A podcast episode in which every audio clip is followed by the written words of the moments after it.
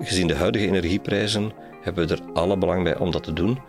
Want goed renoveren is een rendabel geheel, het betaalt zichzelf terug. Mijn naam is Bert Lombaerts en ik ben uw host in deze podcast. In elke aflevering zetten we telkens een element van renoveren centraal. Verwarming, sanitair, energie, noem maar op. In deze aflevering schuift aan Joris Haams, directeur van renovatiebedrijf Plan E en Ecopuur, een zusterbedrijf gespecialiseerd in energie-efficiënte technieken. Ze zijn allebei onderdeel van de Camino-groep, waartoe ook Durabrick behoort. U merkt het al. Vandaag zullen we het hebben over energie, verwarming en de rol hiervan bij renovatie.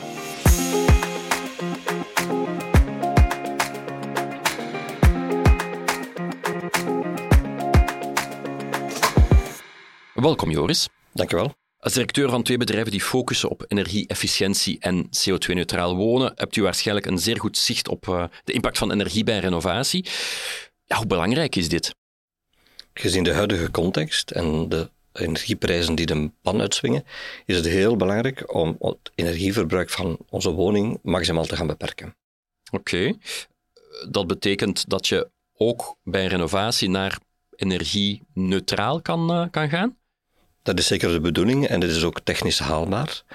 Er zijn voldoende technieken en middelen aanwezig in de markt om elke woning, of quasi elke woning, daarmate te gaan omvormen uh, dat je een energie-neutrale woning of een bijna energie-neutrale woning kan creëren. Dat lijkt me een heel mooi vertrekpunt voor deze podcast. Zullen we er misschien de belangrijkste elementen even bij nemen als het gaat om renoveren en energie? Prima.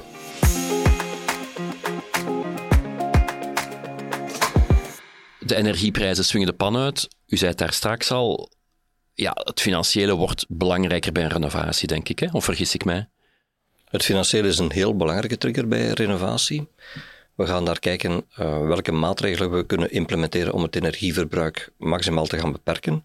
En eenmaal dat we dat gedaan hebben, kunnen we gaan kijken van welke energievraag is er nog over en hoe kunnen we die zo enerzijds CO2-neutraal mogelijk gaan invullen en anderzijds zo goedkoop mogelijk gaan invullen. Ja.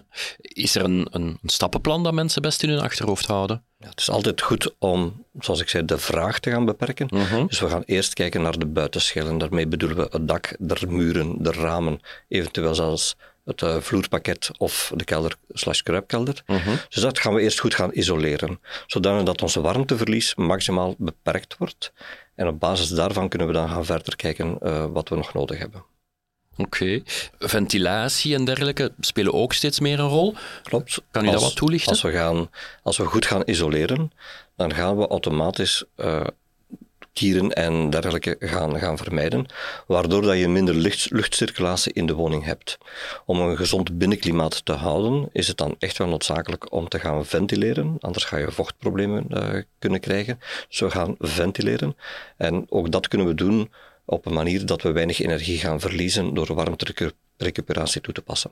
Oké. Okay. Uh, het klinkt allemaal vrij ingrijpend. Hè? Hoef je steeds voor een totaalrenovatie te gaan, als je daar naar kijkt?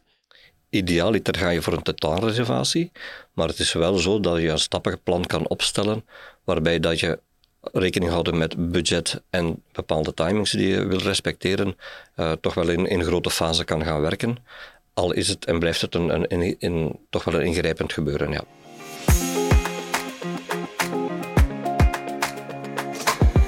Energie heeft verder een technisch aspect met allerlei trends, nieuwe technologieën.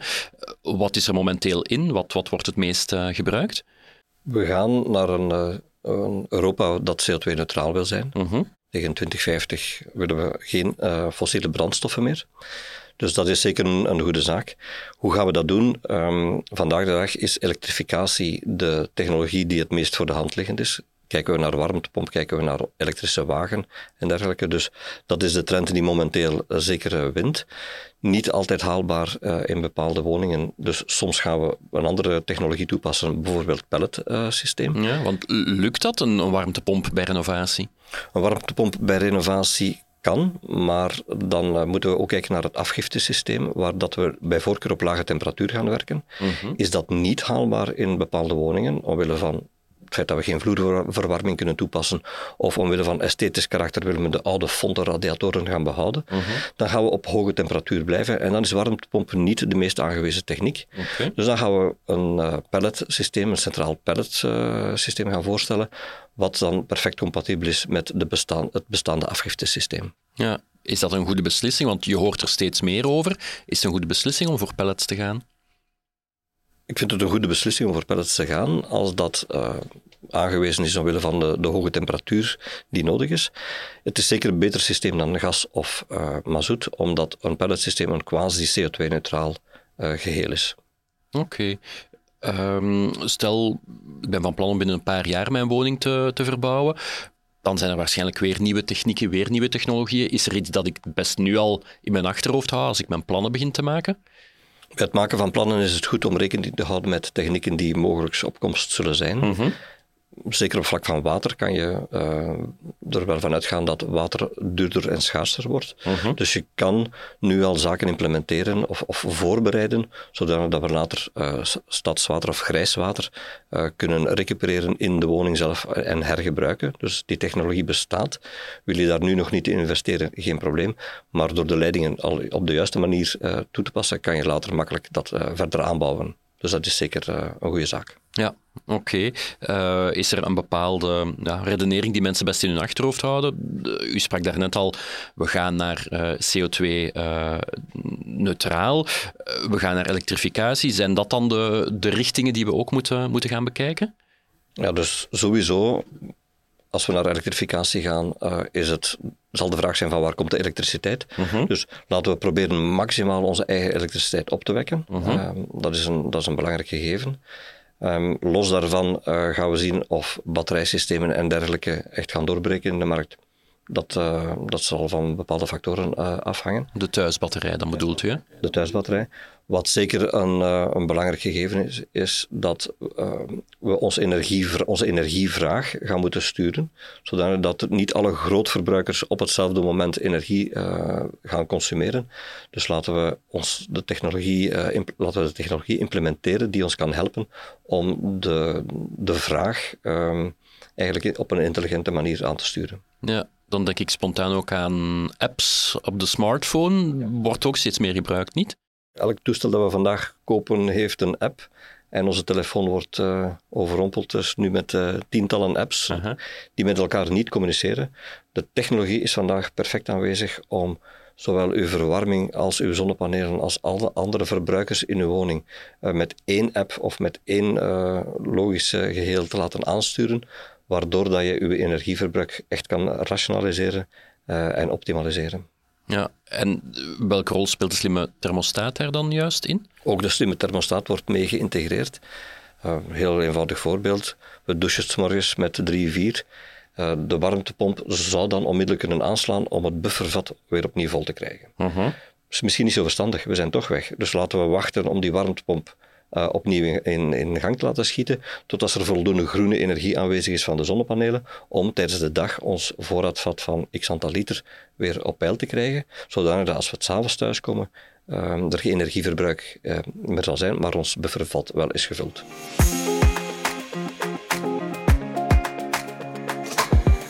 Ecologie is een aspect dat steeds belangrijker wordt in de maatschappij. Ziet u het ook bij, bij renovatie en bij, bij de keuze van, van technieken, van energiemaatregelen? Vaak gaat men inderdaad vanuit een, een ecologisch aspect uh, zaken gaan bekijken. Het is zo dat ecologische materialen uh, perfect haalbaar zijn om uh, toch ook een benwoning of een bijna energie-neutrale woning te gaan, uh te gaan creëren. Um, vaak zijn die materialen wel iets duurder of moeilijker toe te passen. Dus vandaar dat dit de, de grote markt daar nog niet, uh, nog niet echt klaar voor is, denk ik. Um, maar dat het zeker geen showstopper zijn. Het kan perfect om met ecologische materialen de norm te halen. Ja. Hoe zit het met circulariteit? Zijn er ondertussen materialen op de markt die we ja, volledig kunnen gaan recycleren, gaan, her, gaan hergebruiken? Ja, we gaan enerzijds kijken van sommige materialen uh, kan je perfect gaan, gaan uh, hergebruiken, wat, uh, wat ideaal is natuurlijk. Mhm. Daarbij denken we aan zekere binnenstructuren, binnenwanden die je kan demonteren en ergens anders gaan uh, hergebruiken. Op die manier kan je ook je woning circulair maken. Daarmee bedoel ik, je kan uh, bepaalde ruimtes een andere bestemming gaan geven, zonder dat je moet gaan uh, hele wanden gaan wegkappen en wegbreken. Ja, ja, ja. Dus je kan op die manier circulair je woning als circul een circulair geheel beschouwen en een nieuwe bestemming geven. Je kan ook materialen makkelijk recupereren zonder ze te gaan recycleren, gewoon recupereren op een andere plaats. En sommige materialen kan je gaan recycleren. En hoe natuurlijker uw materiaal is, hoe makkelijker te recycleren. Oké. Hoe ingeburgerd is het ondertussen? Het wint steeds meer aan, aan belang. Uh, het is iets makkelijker om dat bij nieuwbouwwoningen al te implementeren vanuit de conceptfase. Uh mhm. -huh. Maar ook in de renovatiemarkt zien we dat toch wel meer en meer uh, toenemen. Oké. Okay. Um, laatste vraag rond dit uh, ecologisch blok. Het summum, zal ik zeggen, van, um, van ecologie is een passief huis, dat je geen energie meer gaat, uh, gaat consumeren. Uh, hoe haalbaar is dat? Een bestaande woning ombouwen tot een passief huis, dat vraagt echt heel veel werk, echt een uh -huh. stukje. We moeten ons de vraag stellen of dat wel wenselijk is. Want de inspanning, de kost en het materiaalverbruik dat daarvoor nodig is, is misschien niet verantwoord. Um, een bijna energie-neutrale woning uh, gaat niet veel meer energie verbruiken dan een passief woning. En die energie kan je dan perfect opwekken met, opwekken met je eigen zonnepanelen. Dus eerlijk gezegd denk ik niet dat een, de passiefnorm uh, onze norm moet zijn. Ja, betere zonnepanelen dan uh, richting passiefhuis. Inderdaad.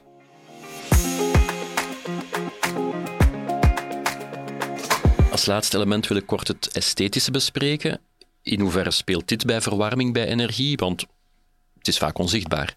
Energietechnieken zijn inderdaad vaak onzichtbaar. Eh, dat bij denken, vloerverwarming is niet zichtbaar, plafondkoeling is niet zichtbaar. Dus je kan um, heel wat energietechnieken gaan toepassen uh, zonder dat die het esthetisch karakter uh, gaan, gaan beïnvloeden. Um, ook de, de keuze van goed isolerend glas en, en keuze van ramen of type ramen kan je heel esthetisch te werk gaan. Ehm, sommige mensen willen heel graag een aluminiumraam, maar willen dan toch liever een, uh, de top van isolatie en een, een, houten raam isoleert nog altijd steeds beter. er bestaan ramen, houten ramen met een aluminium buitenschil, waardoor je het esthetische hebt van een aluminium, strak aluminiumraam en toch geen onderhoud hebt en wel een houten raam qua isolatiewaarde. Dus je kan eigenlijk alle kanten op. Ecologie en esthetica en energiezuinig kunnen echt hand in hand gaan. Ja, um, wat mij uit persoonlijke ervaring dan bijblijft, is dat uh, bij renovatie, er zijn toch altijd kabels en draden en zo betrokken. Uh, gaan we naar een draadloze wereld? Uh, want dat kan toch wel helpen bij renovatie. We gaan naar een draadloze wereld in, in, grote, in grote mate. Natuurlijk, uw lamp zal altijd, uw verlichting zal altijd een elektriciteitskabel nodig hebben, tenzij je met batterijtjes gaat werken. Maar Laten we dat even buiten beschouwing. Dus je zal altijd een bepaalde bekabeling nodig hebben. Maar bijvoorbeeld domotica, wat vroeger heel ingrijpend was met allemaal nieuwe bekabeling trekken, dit kan volledig draadloos en is, vandaag wordt het al toegepast. Dus we gaan meer en meer naar een draadloos uh, systeem. Uh, je kan uw lamp perfect, uw verlichting perfect aansturen via een schakelaar die een bepaald signaal geeft zonder dat die fysiek moet bekabeld zijn. Oké, okay, toch ook een belangrijk element, denk ik, uh, om een renovatie ja, veel draaglijker of uh, gemakkelijker te maken. Maakt het inderdaad veel makkelijker om uh, uw renovatie tot een goed einde te brengen. Laatste vraagje. Wat zou de luisteraar moeten onthouden van deze podcast volgens u? Wat is het allerbelangrijkste als het gaat om energie en renoveren? Ik denk dat het belangrijk is te beseffen dat het overgrote deel van de woningen in Vlaanderen perfect kan gerenoveerd worden. Eh, zodat we ook daar een benwoning kunnen van maken. Dat is belangrijk. De overheid geeft daar voldoende stimulansen voor om dat ook financieel haalbaar te maken. En gezien de huidige energieprijzen hebben we er alle belang bij om dat te doen.